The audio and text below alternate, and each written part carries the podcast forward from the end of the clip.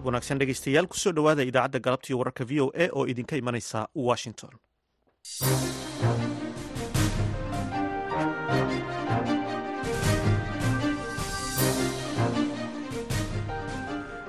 Waa galab khamiisa bisha februari ee sanadka waa waxaad naga dhegaysanaysaan mawjadaha gaagaaban ee iyo iyo mitriban iyo boggeena internetka ee v o a somaly com. Idaacadda galabta iyo wararka v o a waxaa idinla socodsiinaya anigoo ah xuseen barre aadan.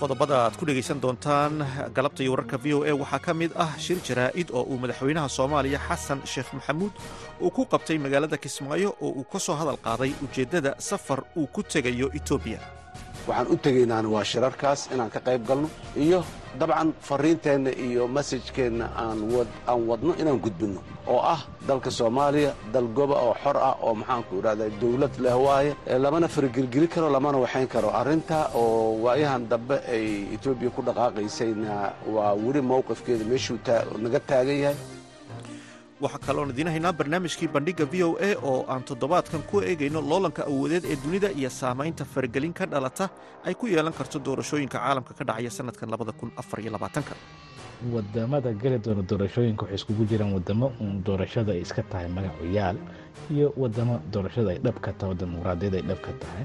Marka doorashooyinkaas intaasoo wadan oo doorashooyin geli doona sanadkan hal doorasho ayaa ugu xiiso badan. Taasna waa midda ka dhici doonta bishan novembar wadankan wadankan maraykanka. Taas ayay caalamka dhan indhaha ku hayaan xubintii dooda gaaban barnaamijkii dhakhtarka weydi iyo qodobo kale ayaad dhegaysan doontaan marka horese ku soo dhowaada warkii dunida.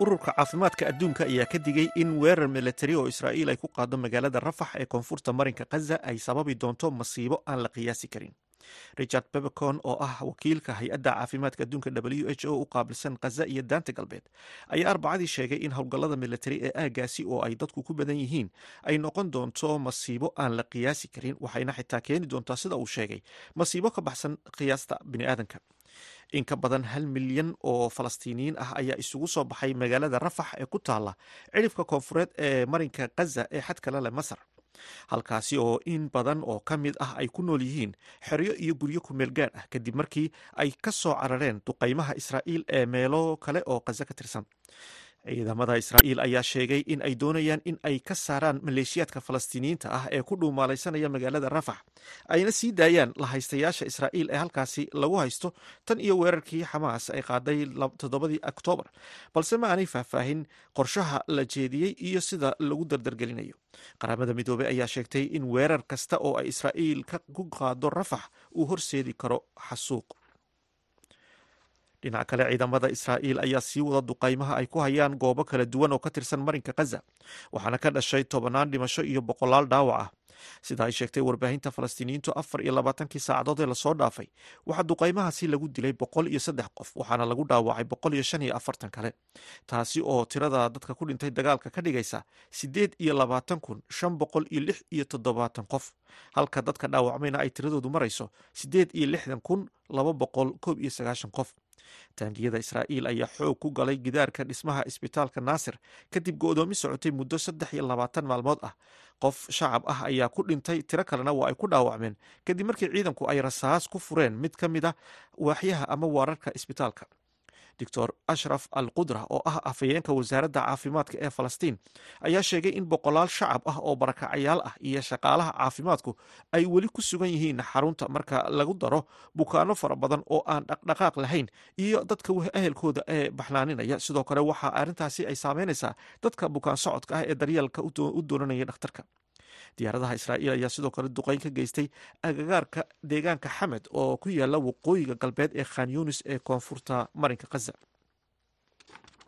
madaxweynaha maraykanka joe biden ayaa u ogolaaday falastiiniyiinta in ay maraykanka aan laga mustaafurin muddo siddeed iyo toban bilood ah sida uu ku dhawaaqay aqalka cad la taliyaha amniga qaranka ee madaxweynaha maraykanka jack sullivan ayaa sheegay in biden uu saxeexay go'aan lagu mamnuucayo musaafurinta falastiiniyiinta iyadoo la eegayo iska horimaadka ka socda iyo baahiyaha bini'aadanimo ee ka jira khaza sida laga soo xigtay wargeyska the new york times ilaalintu waxa ay ku khusaysaa ilaa lix kun oo falastiiniyiin ah marka loo eego sharciga u ogolaanaya dadka soogolootiga ah in ay sii joogi karaan maraykanka haddii dalalkooda ay la soo darsaan dhibaatooyin iyo dagaallo wareegtada uu soo saaray madaxweyne biden ayaa lagu sheegay in kadib weeraradii xamaas ee toddobadii oktoobar iyo weerarada ciidamada israa'iil ay ku qaadeen khaza in xaaladaha bini'aadantinimo ee halkaasi ka jira iyo dhulalka kale ee falastiiniyiinta ay si weyn u sii xumaadeen. Intaasna dhegeystayaal waxaa inoogu idil warkii dunida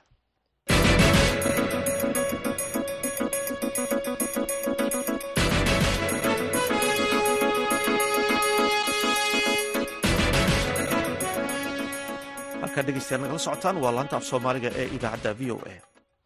Madaxweynaha soomaaliya xasan sheekh maxamuud ayaa maanta warbaahinta kula hadlay magaalada kismaayo ee xarunta dowlad goboleedka jubbaland wuxuuna sheegay inuu adis ababa u tegayo saddex shir oo kala duwan. Madaxweyneha ayaa sheegay in shirarkaasi oo midooda africa urur goboleedka igad iyo e a c oo ah waddamada geeska bariga africa ay leeyihiin mid walba uu goyn doono mowqifka soomaaliya ee heshiiska bilowgii bishii hore ee etoobiya la gashay somalilan warkan iyo shirkaasi jaraa-id oo uu ku weheliyey madaxweynaha jubbaland axmed madoobe waxaa warbixintan nooga soo diray wariyaha v o eda kismaayo aadan maxamed salaad. Shirkan jaraa-id ee ay maanta si wada jira u qabteen madaxweynaha jubbaland axmed maxamed islaam iyo madaxweynaha dowladda federaalk ee soomaaliya xasan sheekh maxamuud ayaa waxa ay ku faahfaahiyeen waxyaabihii ugu muhiimsanaa ee ay kaga wada hadleen. Shirarkii saacadihii la soo dhaafay ay ku lahayeen xarunta madaxtooyada ee magaalada kismaayo madaxweynaha jubbaland axmed maxamed islaam ayaa ku ammaanay madaxweyne xasan sheekh maxamuud guulihii ay ka gaartay dowladdiisa. Muddadii uu dalka maamulayay isagoona intaa ku daray in ay ku ammaanayaan madaxweyne xasan sheekh maxamuud ka maamul ahaan dhammaanba horumaradii kala duwanaa ee uu dalka gaarsiiyey. Sida uu hadalka u dhigay madaxweynaha jubbaland axmed maxamed islaam. Waxaan aada ugu faraxsannahay booqashadaas oo xambaarsanayd ajendayaal aada muhiim u ah oo ay ugu horeyso dhammaystirka la dagaalanka al-shabaab iyo tallaabooyinkii dowladnimada madaxweyne xasan sheekh muddadii hadda dambe oo xilka haya uu ka shaqaynayay ha noqoto. Dagaalkaas al-shabaabka ha noqoto dhammaystirka dastuurka ha noqoto guulihii laga gaaray deen cafiska ha noqoto cunaqabatayntii hubka ee la qaaday oo warbixinteeda uu naga siinayay ha noqoto ku biiritaanka bulshada bariga afrika oo aan uga mahad celinayo dadaalkaa dheeraadka ah ee madaxweynuhu uu ka geystay arrintaas iyo ilaahay siduu ugu guuleeyey. Madaxweyne axmed maxamed islaam ayaa sidoo kale soo hadal qaaday in madaxweyne xasan sheekh maxamuud ay ka wada hadleen howlgallada ka dhanka ah al-shabaab islamar ahaantana ay ka maamul ahaan diyaar u yihiin in ay ka qayb qaataan howlgallada ka dhanka ah al-shabaab sida uu sheegay. Iyo hadda sidii aan wejiga labaad ee la dagaalanka argagixisada al-shabaab aan uga qaadan lahayn iyadoo deegaankan aan joogno uu yahay madaxa masku meesha uu yaallo. Iyadoon ognahay weliba dhibitaanka ciidamada atamis iyo isu soo banaanaanshaha soomaalida iyo shabaabka oo aan odhan karo madaxweynuhu wuxuu ka geystay culays iyo dadaal aada u badan. In arrintaas ayna noqonin mid la tabe ay noqoto mid tallaabooyin hore lagu soo qaado. Mudan madaxweyne dadka reer jubbalandna waxay sugayaan maska madaxiisa in la dilo oo hawshaas sidii aada u ballan qaadeen. Amaan hadda uga warbixinayna warbixintaa inaan arrintaas la dedejiyo kana shaqayno annaguna diyaar baanu nahay shacab iyo maamul iyo ciidan intaba. Waxaa hooyada soomaaliyeed cadowga ay leedahay waa midkaas u diidan nolosha inay noolaato. Fatahaadaha meesha ka dhacay buundooyin baa baaba-ay dad baa barakacay beerihii baa waayey maanta magaalada aad arkayso babay in laga hela xataa way adagtay iyo khudaarta qaarkood sababtoa waxaa tirtirma dhulbeereedkii waxay sugaysaa waa dadkaas in laga qaado si dadku ay beerahoodiina ugu noqdaan waxna looga bedelo madaxweynaha dowladda federaalk ee soomaaliya xasan sheekh maxamuud oo gebagabadii goobta ka hadlay ayaa dhankiisa sheegay in ay u yimaadeen magaalada kismaayo. Sidii ay maamulka warbixin uga siin lahaayeen xaaladaha dalka uu marayo sida uu hadalka u dhigay isagoona intaa ku daray in ay dowladdiisa diyaar u tahay in la dhaqaajiyo howlgallada ka dhanka al-shabaab. Ayna bilaabayaan dhowaantan sida uu sheegay madaxweyne xasan sheekh maxamuud. Inta madaxweynuhu sheegaan u nimiday oo ah inaan dabcan dowladda jubbaland xaaladda dalka iyo meesha ay wax marayaan siyaasadda guud ee heer qaran inaan maxaanku idhahdaay ka brief garayno iyo in aan mustaqbalka itijaaha loo socdo iyo sida loo dhaqaaqayana aan taladeeda iyo warbixinteeda aan la wadaagno. Sida madaxweynuhu tilmaamay jubbaland waa meesha maskac madaxiisa uu yaallo waaye oo in shaqo badanoo aad iyo aad u adag laga qabto. U baahan insha allahu howlahaas haddana way socdaan muxuu xoraynta deegaano badan oo jubbaland ayaa la xoreeyey. Kuwo kalaa hadda socdo. Fatahadii ayaan dhaweytaa hakis badan yaa keenay oo culaysyo badan iyo wadooyinkii iyo buundooyinkii dhulkan sidaad ogtihiin waa dhul aad iyo aad. Barwaaqo ah webiyadu iyo biyomareennadu iyo biyodegeennadu intaba ay ku badan yihiin marka insha allahu waa waa laga soo kabanayaa dowladda federaalkana dowladda jubbaland way garab istaagaysaa sidii looga soo kaba lahaa ee dhibaatooyinkaas ay geysay si dadkiina noloshooda ay dib u soo caadi ugu soo noqoto la dagaalanka argagixisadana khawaarijtana uu aad iyo aad ugu sii fududaado haddii aan la yidhahdo waan kala qayb qaadanaynaa reer jubbaland madaxweynaha dowladda federaalk ee soomaaliya xasan sheekh maxamuud ayaa gebagabadii tilmaamay in magaalada adhis ababa ee dalka ethoobiya dhowaan ay gaari doonaan halkaas uga qaybgeli doono shirar saddex ahi oo looga hadli doono arrimaha afrika gaar ahaan geeska afrika waxaana uu tilmaamay in shirarkaasi ahamiyad gaar u leeyihiin soomaaliya. Waxaan rabaa dadka soomaaliyeed inaan u sheego dhowaan waxaan safar ku tegayaa aniga iyo wafdi aan hogaaminayo magaalada adis ababa xarunta midowda afrika. Meeshaas saddex shir oo aad iyo aad muhiim u ah ayaa ka jira. Shirkii shir madaxeedkii ururka midowda afrika waa ka jira oo isugu imaanayaan madaxdii. Waxaa kaloo halkaas ka jiro shir igad ah oo dhinac yaallo oo sightland meeting ana waa ka jiraa oo adis ababa haddii aan la yidhaaho madaxda igad ay gooni ugu shiri doonto. Sidoo kale shir waxaa ka jira isagana east africa community suuqa dhaqaalaha ee bariga africa oo iyadana muxuu ahay madaxdeedii ay gooni u shirayso marka shirarkaasoo dhan muhiim ayay soomaaliya u yihiin. Waxaan u tegaynaana waa shirarkaas inaan ka qayb galno.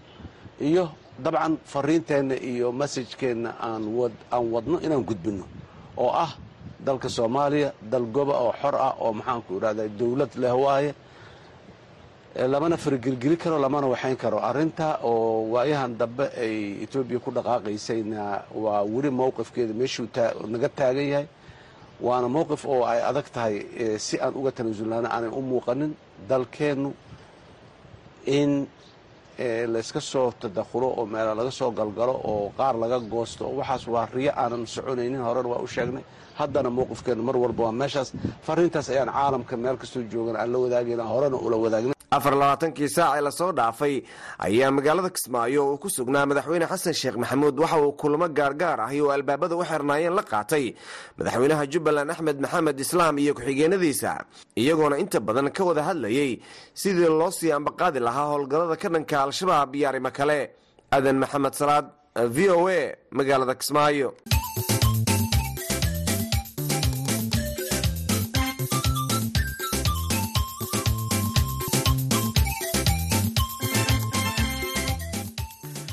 halkan dhegeystayaad nagala socotaan waa laanta af soomaaliga idaacadda v o a. Madaxweynaha turkiga rajab tayib erdogan oo booqasho ku jooga dalka masar ayaa ballan qaaday in dalka turkigu difaaci doono madax bannaanida wadamo ay soomaaliya ku jirto.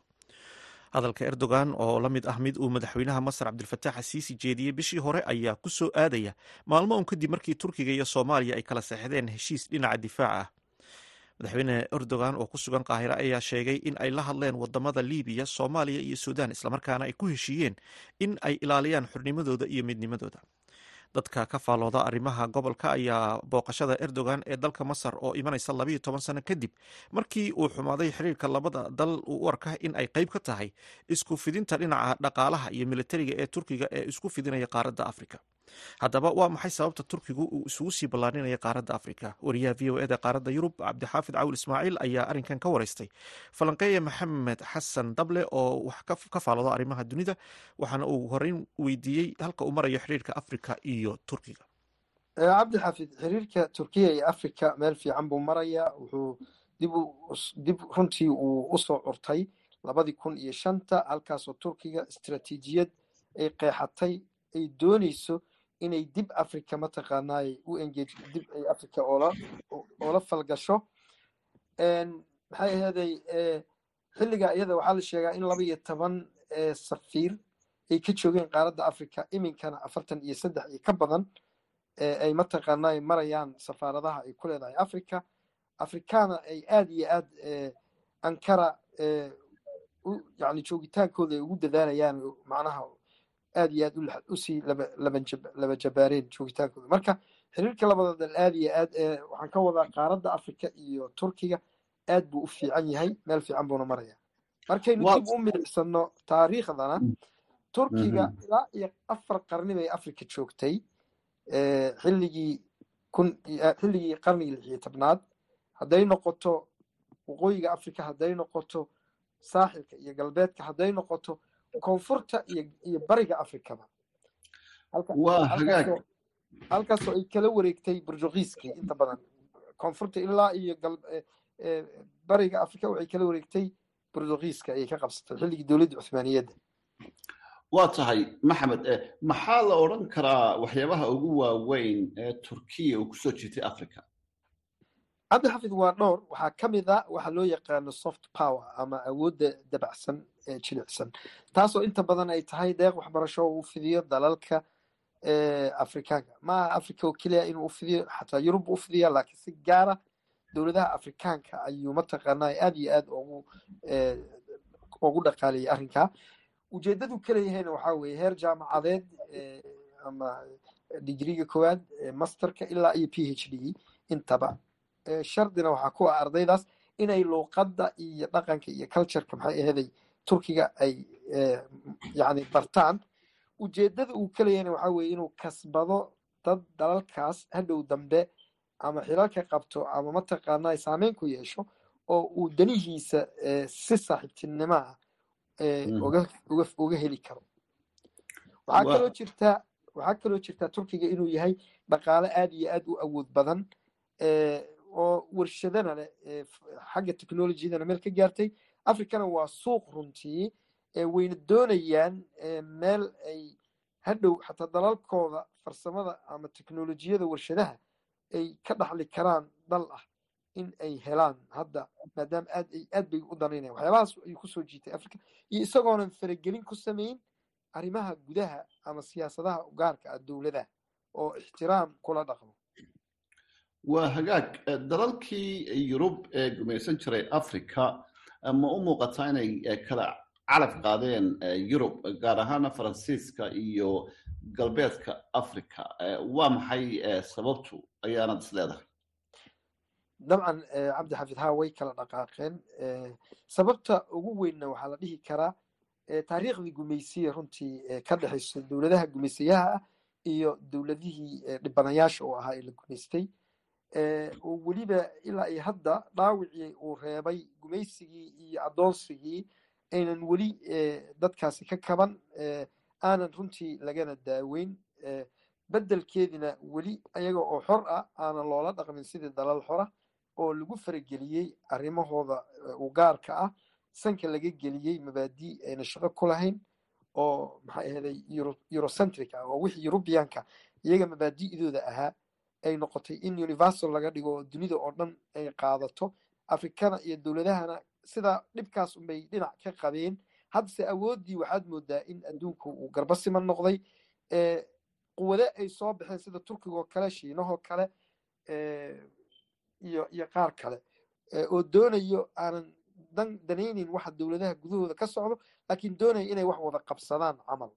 Marka taasaa keentay waxyaabaha ay dadkaasi ooga carareen dowladihii hore gumaystay ayna aad u adag tahay in ay mataqaana isku soo noqdaan. Waxaa daliil aba kacdoonada ka dhacay dalalkaas iyo inqilaabyada militariya ka dhacay ayaa ku caddaynaya in mataqaanaa xataa howlgalkii muxuu ahaay ka jiray maali ee qaramada midoobey wuu shaqayn kari waayey wuu burburay. Marka arrimahaasa yani yani kutusaya in mabaadi ah waxaan la diidan yahay ay yihiin mabaadi lagu qasbayo inan diyaar u ahayn. Ugu dambayntii maxamed adiga oo soo koobaya walaac intee leeg ayaa yurub ka qabtaa in turkiya uu ku sii fido africa walaac weyn bay ka qabtaa. Turkiya runtii awood soo kacday wey hadda oo mataqaanaay meelo badan oo caalamka ka mid ana ku tartamayso africa oo keliya ma aha.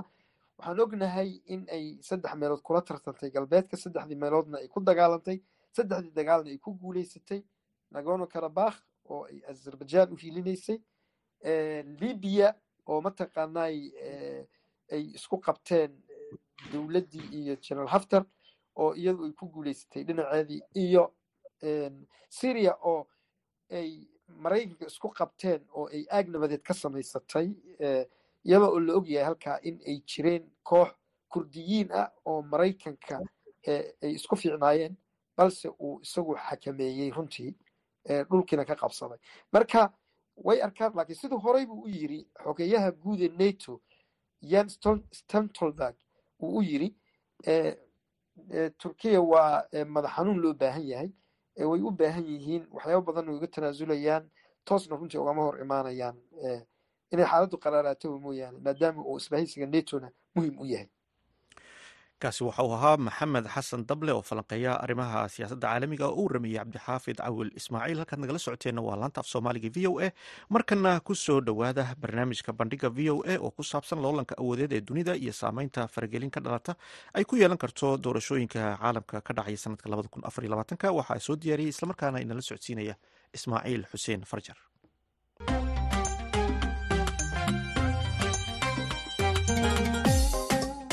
sannadkan labada kun iyo afar iyo labaatanka ayaa loo badinayaa in uu noqdo sannadka ay dhiibanayaan dadkii ugu badnaa codkooda waxaana la saadaalinayaa in codbixiyaasha ka qaybgelaya doorashooyinka ka dhacaya caalamku in ay kor u dhaafaan ilaa afar bilyan oo qof ama in ka badan kalabadh dadka ku nool caalamka in ka badan konton dal ayaa shucuubtooda ay codaynta u dareerayaan.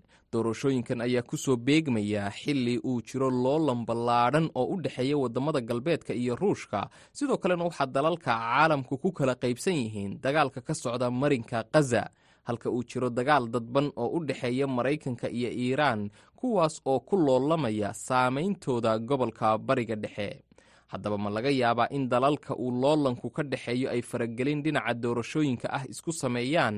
Saamayn noocee ah ayayse doorashooyinkan ku yeelan doonaan faafidda wararka been abuurka ah. Waa qodobka aan ku soo qaadanayno barnaamijkeenna bandhigga v o a ee toddobaadkan. Waxaana idinla socodsiinayaa anoo ah ismaaciil xuseen farjar ruushka iyo maraykanka oo loolan weyni ka dhexeeyo ayaa labaduba doorasho gelaya. Sidoo kalena dalka britain hindiya koonfur afrika iyo dalal kale oo badan ayaa sannadkan doorasho u dareeraya. Khubarada dhinaca doorashooyinkuna waxay leeyihiin sannadkani waa sannadkii ay dunida ka dhacayeen. Doorashooyinkii ugu badnaa ee ay ka qayb galaan in ka badan kalabadh dadweynaha caalamka ku nooli. Maxamed sheekh xuseen oo ah falanqeeye deggan gobolka virginia ee dalkan maraykanka ayaa sharaxaad guud ka bixinaya ismaaciil waa mahadsan tahay sanadkan labada kun labaatan iyo afarta ilaa toddobaatan wadan wadamo ku dhow ayaa geli doona doorashooyin. Dadka lagu qiyaasay inay wadamadan ku nool yihiinna waa afar dhibic labo bilyan. Marka waa adduunyada kala bar ayaa doorashooyin galayso sanadkan. Wadamada ugu horeeyo oo ugu dadka badan sida wadanka hindiya oo kale waa four point four billion european unionka ku xigo maraykanka ku xigo indonesia pakistan bangaladesh ruushka mexico iran u k south africa. Marka way badan yihiin waddamada geli doona doorashooyinka. Qaar kamida way dhaceen oo sida taiwan oo kale way dhacday bangaladesh way dhacday. Marka waa sannadkii ugu badnaay waa sannadkii ugu doorashooyin badnaa taariikhda inta la ogyahay sida la leeyahay. Marka waddamada geli doona doorashooyinka waxay iskugu jiraan wadamo doorashada ay iska tahay magacuyaal iyo wadamo doorashada ay dhab ka tahay dimuqraadiyada ay dhab ka tahay. Marka doorashooyinkaas intaasoo wadan oo doorashooyin geli doona sanadkan hal doorasho ayaa ugu xiiso badan. Taasna waa midda ka dhici doonta bishan november wadanka wadankan maraykanka. Taas ayay caalamka dhan indhaha ku hayaan. Staydyada la isku hayo oo laga yaabo in yacni ay wax bedelaan oo codadkooda marba meel u rido waa staydyada arizona georgia michigan nevada pennsylvania wisconsin. Marka staydyadaas dadka ku nool markii la isku daro ilaa waxay gaaraan conton million waxay ka badan yihiin dadka ku nool spain wadanka la yiraahdo. Wax yarna waxay keer yihiin talyaaniga dadka ku nool. Haddaba waxaa jirta cabsi badan oo laga qabo in dalalka qaarkood ay muranno doorasho ka dhacaan kuwaas oo saamayn ku yeelan kara xasiloonidooda gobolka. Sida uu sharaxayo maxamed nuur qalimow oo ka faallooda arrimaha siyaasadda kuna sugan dalka britain.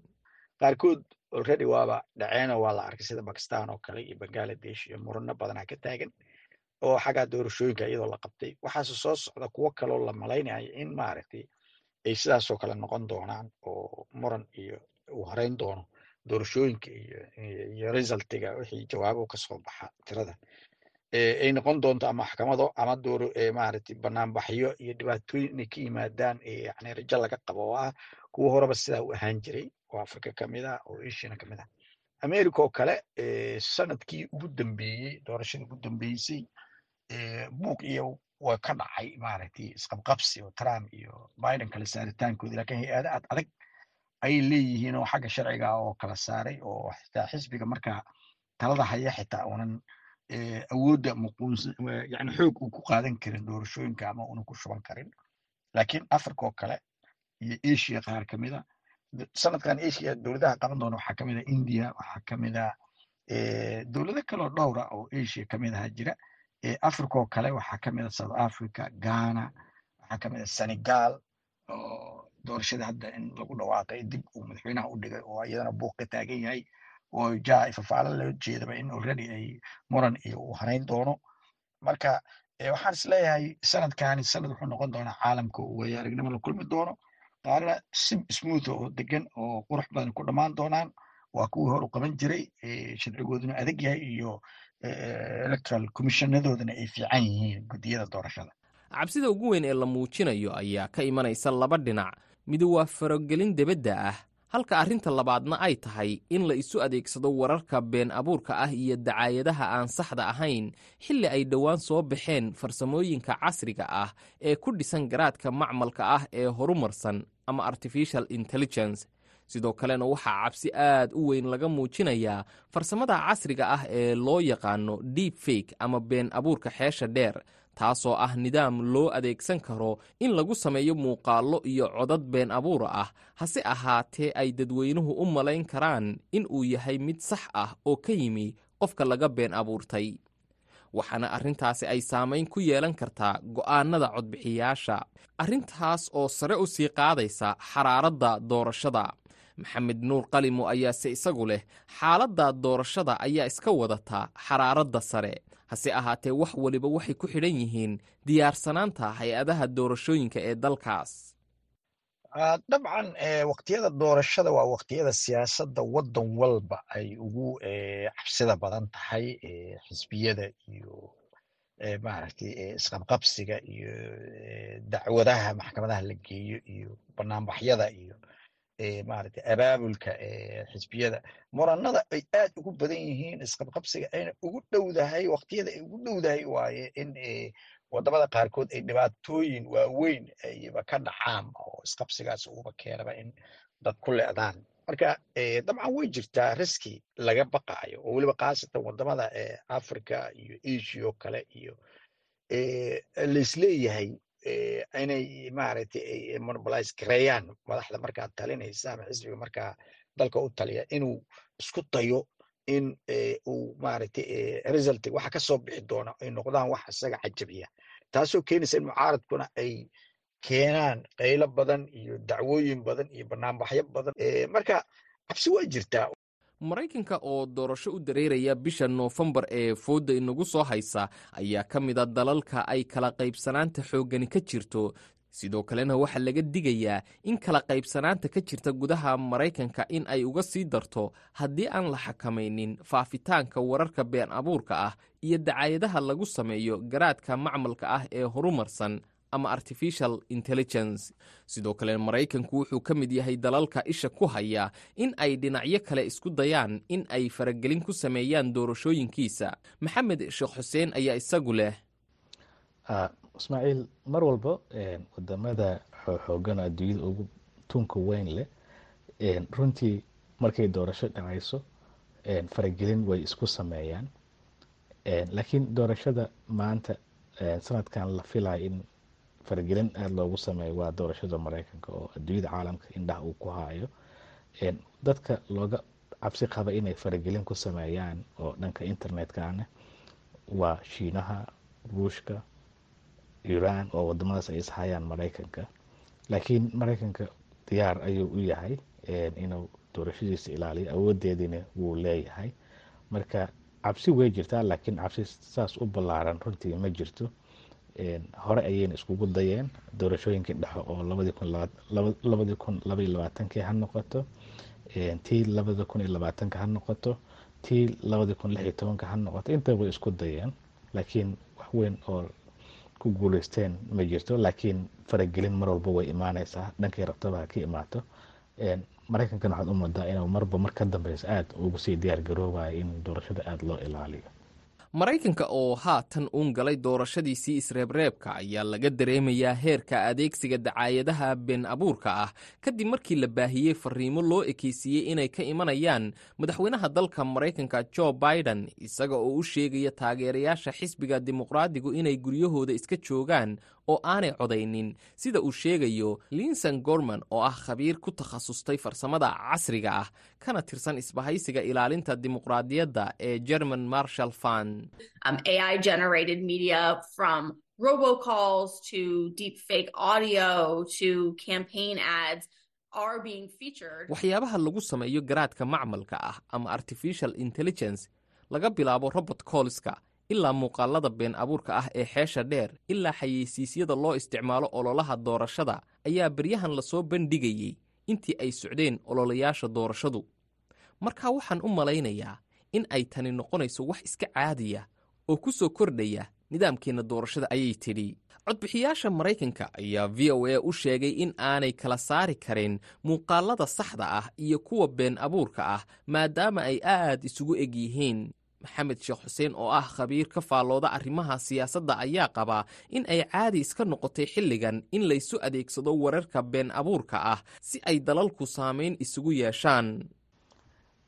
Ismaaciil adduunyada mar walba dagaalka qababo xagga dagaalka afka ah mar walba u socdaa. Waxaan adduunyada la yirahda disinformationka oo wararkan been abuurka ah oo la abuurayo mar walba ay socdaan. Ama adduunyada xooggale ha noqoto ama kuwa masaakiinta ha noqoto runtii mar walba dagaalkaas wuu iska jiraa. Horeyna wuu u socday haddana wuu sii socon doonaa. Laakiin anigu iima muuqato doorasho la farageliyey in uu ka bilaaban doono dagaal xoog leh.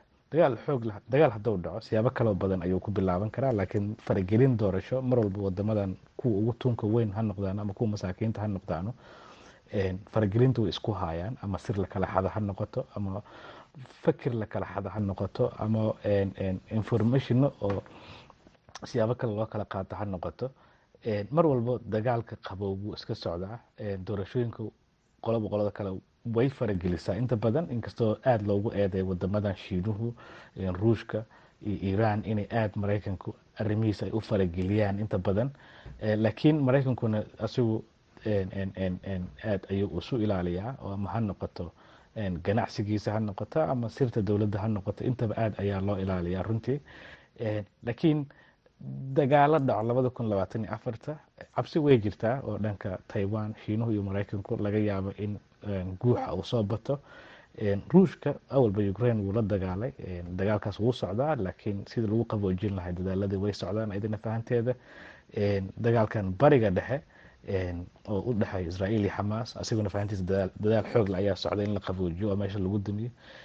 Iran dan uguma jirto in ay maraykan kula dagaalanto bariga dhexe. Maraykankuna fahantiisa dan uguma jirto bariga dhexe inuu iran kula dagaalamo.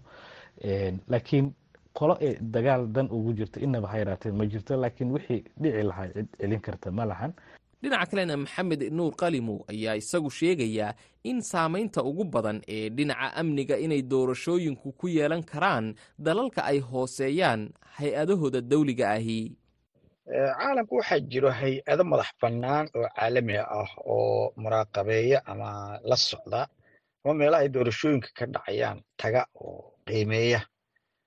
Isla dadka uga sii diga dhibaatooyinka imaan kara iyo waxay yihiinba. Marka way jiraan hay'ado oo ama maxalli ah oo dowladuhu ay leeyihiin dadka waddankaa ku nool waddan walba uu leeyahay hay'ado madax bannaan oo doorashooyinka la socda ama wax ka qaban qaabiya rabana in maaragtay ay u dhacdo si dimuqraadi ah oo transparency ah iyagoo caaliban way jiraan iyagoo maxalli ah oo maaragtay waddamada qaarkood ay leeyihiin oo hay'ado ka madax bannaan dowladda iyo xisbiyada way jiraan oo haddaba ka diga marka waddamada aad looga baqaayo oo ade warbixin iyo sida iyo yani laga siiyo in aanay dhicin waa afrika ugu badan iyo asia. Marka waanu arki doonaa hay'adahaas laftigooda saameyn inay ku yeelan doonaan inay bal dadka uga digaan in dhibaatooyinka waqtiyadaa dhaca ee noloshaba ay ku istaagto ay intii maaragtay laga leexan karo laga leexdo. Laakiin waa wax kolleyta waqtiyada doorashada yimaada waana wax mar walba dhaca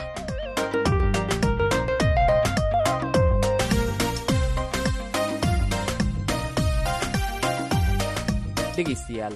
Intaas waxay naga eeg barnaamijkeennii bandhigga v o a ee toddobaadkan. Tan iyo intaynu barnaamijkaas la mida ku kulmayno waxaan kaga tegaynaa sidaas iyo ismaqal dambe oo xiise leh.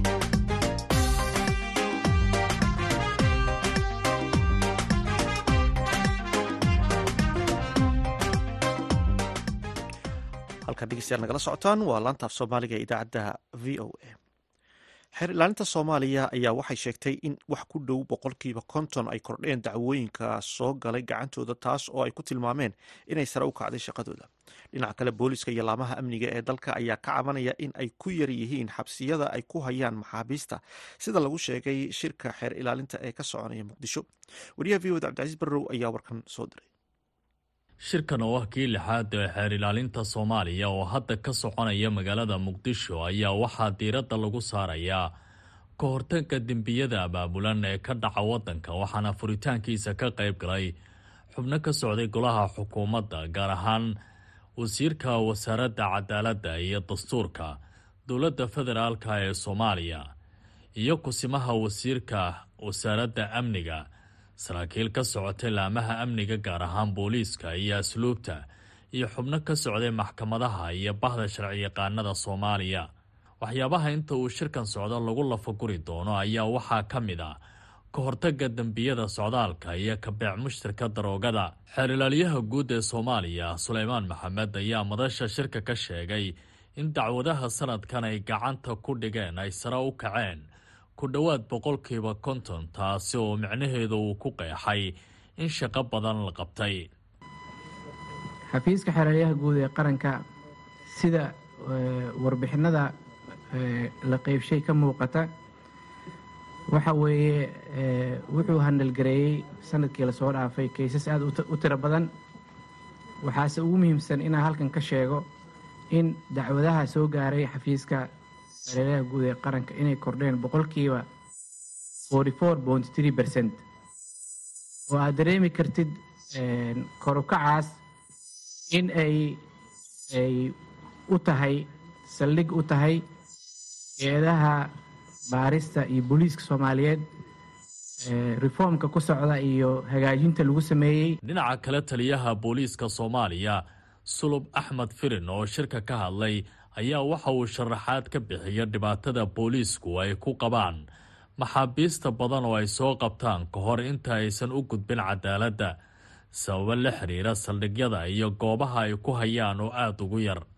Waxaan maraynaa saraakiisha baadhayaasha markay geeyaan muxuu ahay garsooraha hortiisa muwaadinkii ay geeyaan ee garsooruhu go'aan ka gaadho inay dhahaan maaragtay ku celi xalay meeshu seexday meel kaloo la geeya lama hayo. Taasna waxa weeyaan waa baahida xabsi la'aan xabsigii oo buuxa. Ugu dambeyn wasiirka wasaaradda cadaaladda iyo dastuurka xukuumadda federaalka ee soomaaliya xasan macalin oo shirka ka hadlay ayaa waxa uu sheegay in shuruuc badan oo la xiriirta sidii wax looga qaban lahaa dembiyada ka dhaca gudaha dalka iyo dibadda ay ka shaqeeyeen. Waa ay dhammaatay soomaaliya waa meel maran oo sharciga ka maran oo gabbaad ay argixisadu u soo doonato burcadbadeedu u soo doonato oo maandooriyaha ka shaqeeya u soo doontaan shuruucdaas waa kuwii looga hortegaya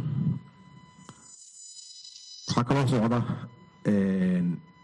dib u eegista habka xeerka ciqaabta soomaaliyeed isaguna gebagaba maraya. Geesta kale war qoraala oo ka soo baxay xeer ilaaliyaasha afar maamul goboleed ayaa lagu qaadacay shirka xeer ilaalinta ee ka soconaya muqdisho iyadoo si gaar ah loogu diiday ajandaha shirka. Sidoo kalena dhaliil loogu jeediyey xeer ilaaliyaha guud ee dalka. Xeer ilaaliyaasha qoraalkan soo saaray ayaa waxay kala yihiin xeer ilaaliyaasha guud ee jubbaland hirshabeelle koonfur galbeed iyo galmudug. Sidoo kale xafiiska xeer ilaaliyaha guud ayaan weli ka jawaabin tabashada ay qabaan xubnahan. Cabdilcasiis barrow v o a muqdisho.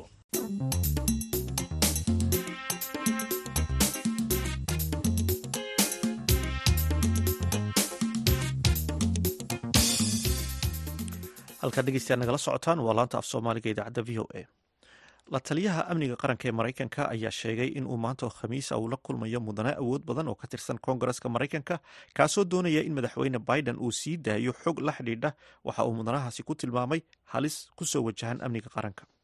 Wariyaha v o eda arrimaha maraykanka uga soo warramay steve herman ayaa warbixintan inoo diyaariyey waxa inoo soo jeedinaya maxamed colaad xasan isagoo aqalka cad kula hadlayay warfidiyeenka arbacadii shalay ayuu la taliyaha amniga qaranka maraykanka jek sullivan waxa uu ashqaraar ka muujiyey in guddoomiyaha guddiga sirdoonka ee koongareska mike tanner uu si cad ugu baaqay maamulka washington inay soo bandhigaan tafaasiisha la xidhiirta halis aan la shaacin oo maraykanka kaga imanaysa dibadda.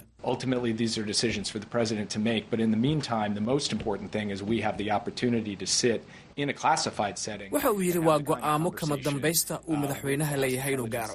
dhinaca kalena waxaan haysannaa fursad aan kula fadhiisanno oo aan arrimahan kala hadalno hoggaanka guddiga sirdoonka ee koongareska kulanka oo aan u sii madlanayn ka hor inta uusan guddoomiye tanner hadalkan jeedin. Mudanahan ka tirsan koongareska maraykanka ayaa u sheegay saaxiibadiisa kula jira guddiga inay si deg dega u tagaan qol ammaan ah si ay u guddoomaan xog muhiima oo la xidhiirta waxa uu u yeeray awood milatari shisheeye oo halis ku haysa maraykanka. Xoga ay tabinayaan warbaahinta qaar oo soo xiganaya saraakiil maraykan ah ayaa tibaaxaya in halistaa la sheegayo ay ku saabsan tahay. Iskuday uu ruushku doonayo inuu ku samaysto hub nucleera oo saldhigiisu yahay hawada sare oo burburin kara dayax gacmeedyada. Aad ayuu mahadsan yahay maxamed colaad xasan oo warbixintaasi inoo soo jeedinaya halkaad kala socoteenna waa laanta af soomaaliga ee v o a. Markana ku soo dhowaada doodii gaabneed waxaa inala socodsiinaya xuseen xasan dhaqane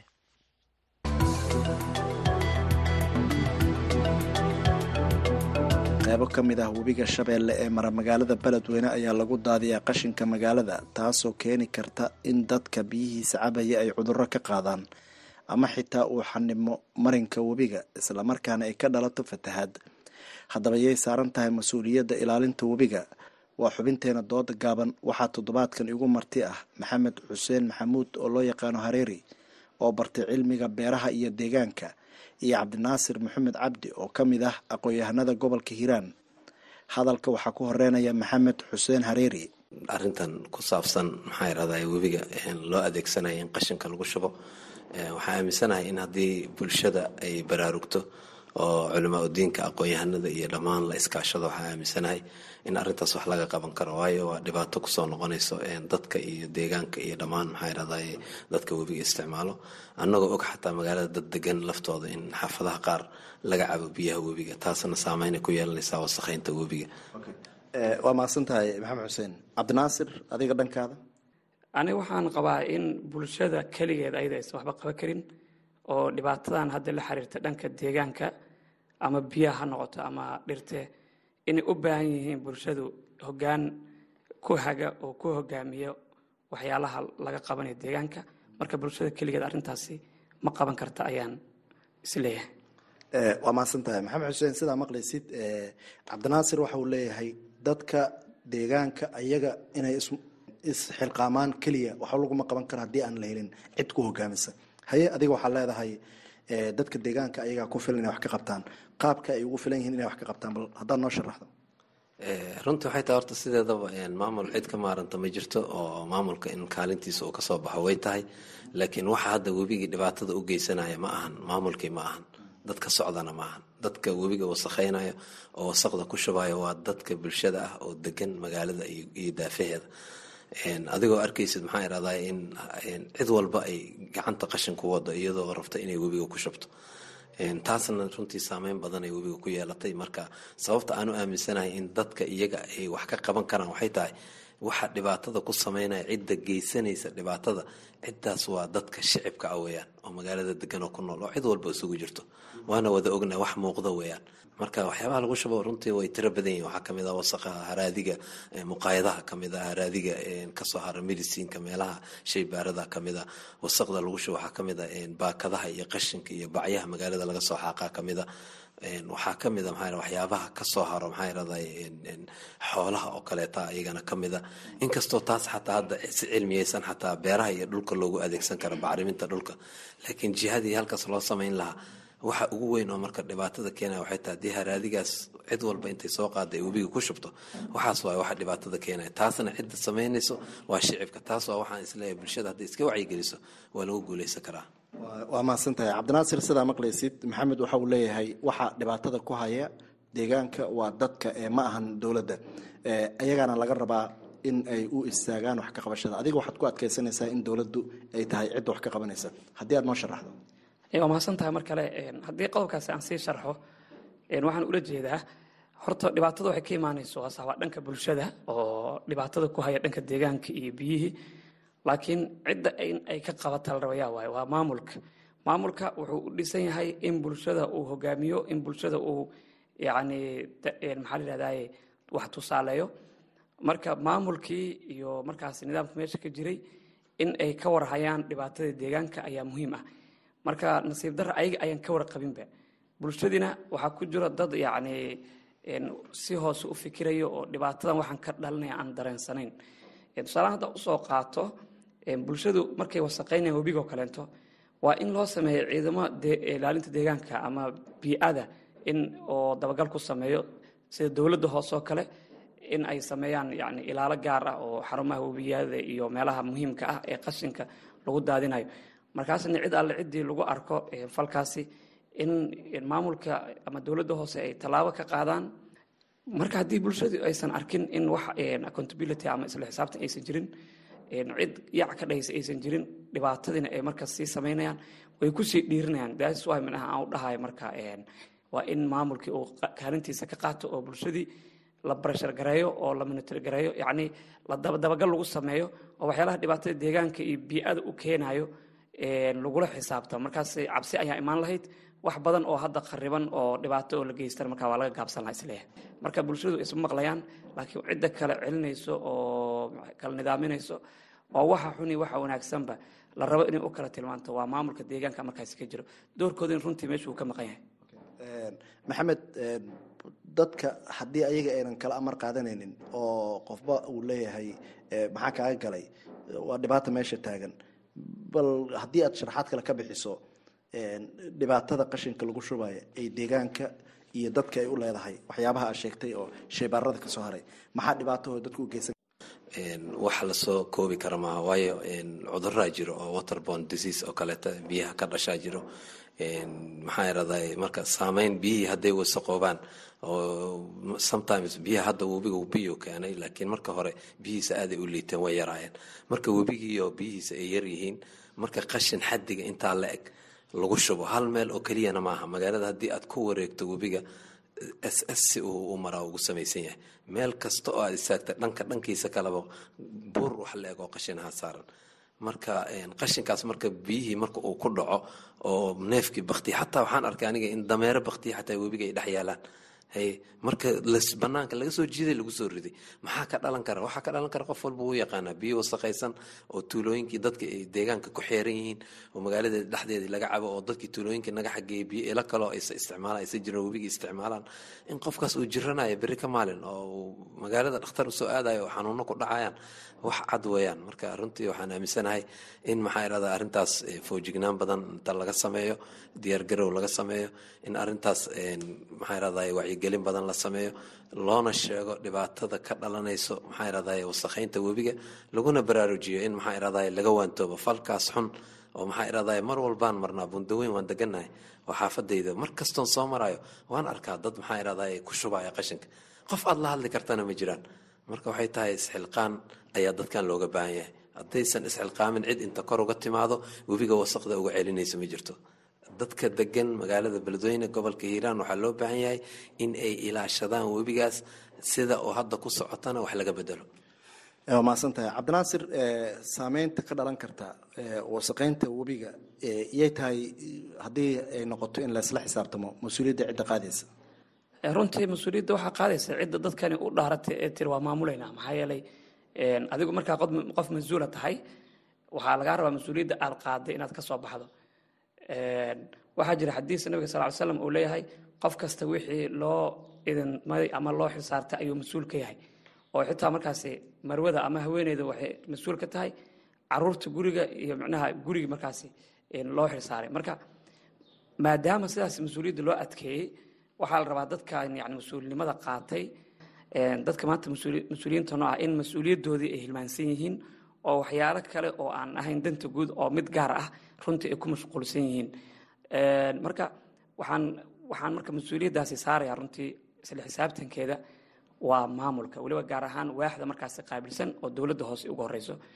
In arintaasi marka hadda alxamdulilah webigu biyo kale ayuu keenay oo wasaqdii yani qaarkeed way baxday laakiin waayihii hore maalimihii hadda u dhawaa weliba aad ayaan uga nahay runtii mar aan aan arkay webiga wasaqda saaran. Waxyaalaha weliba oo khaasatan hadda aan arko waxaa ka mid ahaa dadka xitaa deegaanka naftigooda in caqliga uu shaqeeyaa fiican. Maxaa yeele dadka hadda tuulooyin ku dhow magaalada waxyaalo kale ma haystaan ceelal ma haystaan biyo kale ma haystaan biyo webiga isticmaalaan. Waxaa arkaysa intaasoo loor ama juwaan oo yacni wasaq waxyaalaha cafaayadaha iyo layidhahdo kale laga soo buuxiyo oo meesha. Qofkii wasaqdii wuu iska dheeraynayaa qofaa laga yaaba inuu lacag ku siiyo laakiin haddana ma dhahaya xaggee geynaysaa meeshii biyihii laga cabaya ayaa lagu ridayaa. Wasaqaa ka dhalanayso hadda walaalka maxamed ayaa noo sharxay waxyaalaha ka dhalan karo in cudurrada biyaha ka dhashay ay ka mid tahay. Marka dadkaadi ehel kugu dhawaa ee deegaanka tuulooyinka magaalada ku dhawaa deganaa dhibaato macnaha marka ay la kulmayaan oo cudurro ay macnaha halkaasi ka dhaxlayaan. Yaa sababay adigaa sabab u ahaa. Marka runtii waxaan rajaynayaa in caqliga uu shaqeeyo oo hadda sida wax yihiin wax ka bedelmaan insha allah. Waa mahadsan tahay waa soo gabagabeynaynaa maxamed xuseen adaan ku siinaya markan. Maxay tahay fariintaada ugu dambeysa oo aad siinayso dadka degan beledweyne iyo hareeraha webiga ee aada leedahay qashinka iyo magaala ee ku shubaan webiga? Maxaa irahdaa webigan waa webi muhiima oo biyihiisu ay dad iyo duunyaba isticmaalaan beerahana loo isticmaalo waxaana runtii kula talinayaa in bulshada ay ilaashadaan webigaas oo nidaamka ay hadda ay ku wadaan oo wasakheynta ahna inay ka joojiyaan. Talada kaleetoon soo jeedinaya waxay tahay ma lahan magaalada shirkado ka aasaasan oo u qaabilsan magaalada inay qashinka ka qaadaan. Doorkaas waa door magaalada ka bannaan oo ka maqan. Taasina waa sababta ay dadka u caadaysteen inay webiga qashinka ku shubaan marka taladeyda waxay tahay aniga in laga waantoomo wasaqeynta webiga cid walbana ay mas'uul iska saarto. Waa mahadsan tahay cabdinaasir runtii talada aan ku soo gabagabeyna waxaa waaye in horta mas'uuliyiin saan hore u sheegay mas'uuliyaddan ay saaran tahay ee dadkan mas'uulka ka ah arrinkan inay ku baraarugaan oo kolleyba yacni fariinteenna iyo codkan wuu gaari doonaa in ay ma arkinoo u qaataan sixid inay u qaataan oysan u qaadan yacni wax qaldan inay tahay. Maxaa yeelay qofka wixii kaa qaldan kuu sheega runtii qofka kuugu wanaagsan waaye. Marka maamulka waxaan leeyahay horta arrintaasi inay saxaan oo cidda mas'uuliyaddeeda lagula xisaabtamo. Dhanka bulshadana waxaan u dirayaa fariin ah ilaahi ha laga cabsado. Walaalayaal dad muslimiin baa nahay. Dhibaatada maanta aad nadaafad darro ku samaysay webigaas ama deegaanka qof walaalkaa dhibaato ay ku gaarto ilaahi subxana wataala berita adoo kugula xisaabtamaya. Marka nadaafadda aan ka wada shaqayno bii'ada aan ka shaqayno micnaha ilaalinteeda nadaafatu nusul imaan waaye yacni waa xadiis nebi sal slam marka arrintaas qaab diini iyo qaab dadnimo iyo qaab walaalnimoba intaad u qaadataan ha lagu dadaalo insha allah in arrimaha hadda socda wax laga bedelo oo deegaankeenna iyo biyaheenna iyo yani buqacdan aan ku noolnahayba ay noqoto mid nadiif. Intaa waxaa ku eg xubinteena dooda gaaban waxaa toddobaadkan igala qayb galay maxamed xuseen hareeri iyo cabdinaasir maxamed cabdi inta xubin midaan la mid ahan dib kaga kulmeyno waxaan idinku dhaafayaa nabadgelyo.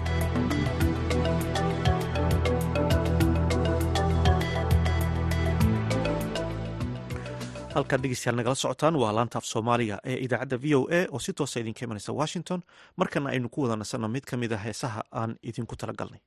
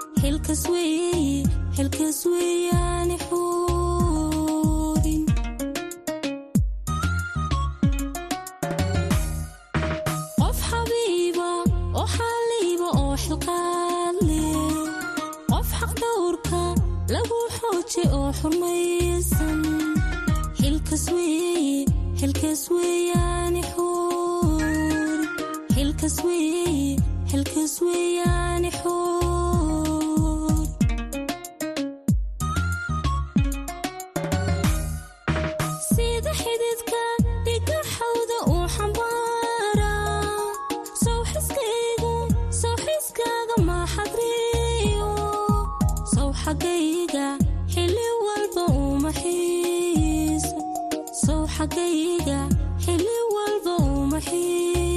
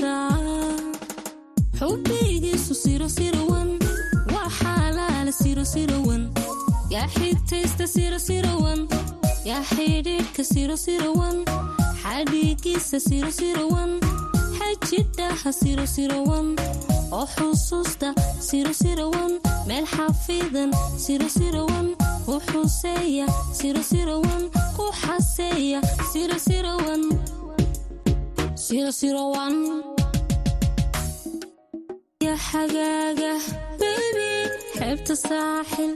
U nool la dalxiisa. Xubbigiisu sirosirawan waa xalaala sirosirawan yaa xigtaysta sirosirawan yaa xidhiidhka sirosirawan xadhiigiisa sirosirawan xajidhaha sirosirawan oo xusuusta sirosirowan meel xafidan sirosirawan ku xuseeya sirosirawan ku xaseeya sirosirawan sirosirawan xubaygiisu sirosirawan waa xalaala sirosirawan yaa xigtaysta sirosirowan yaa xidhiidhka sirosirowan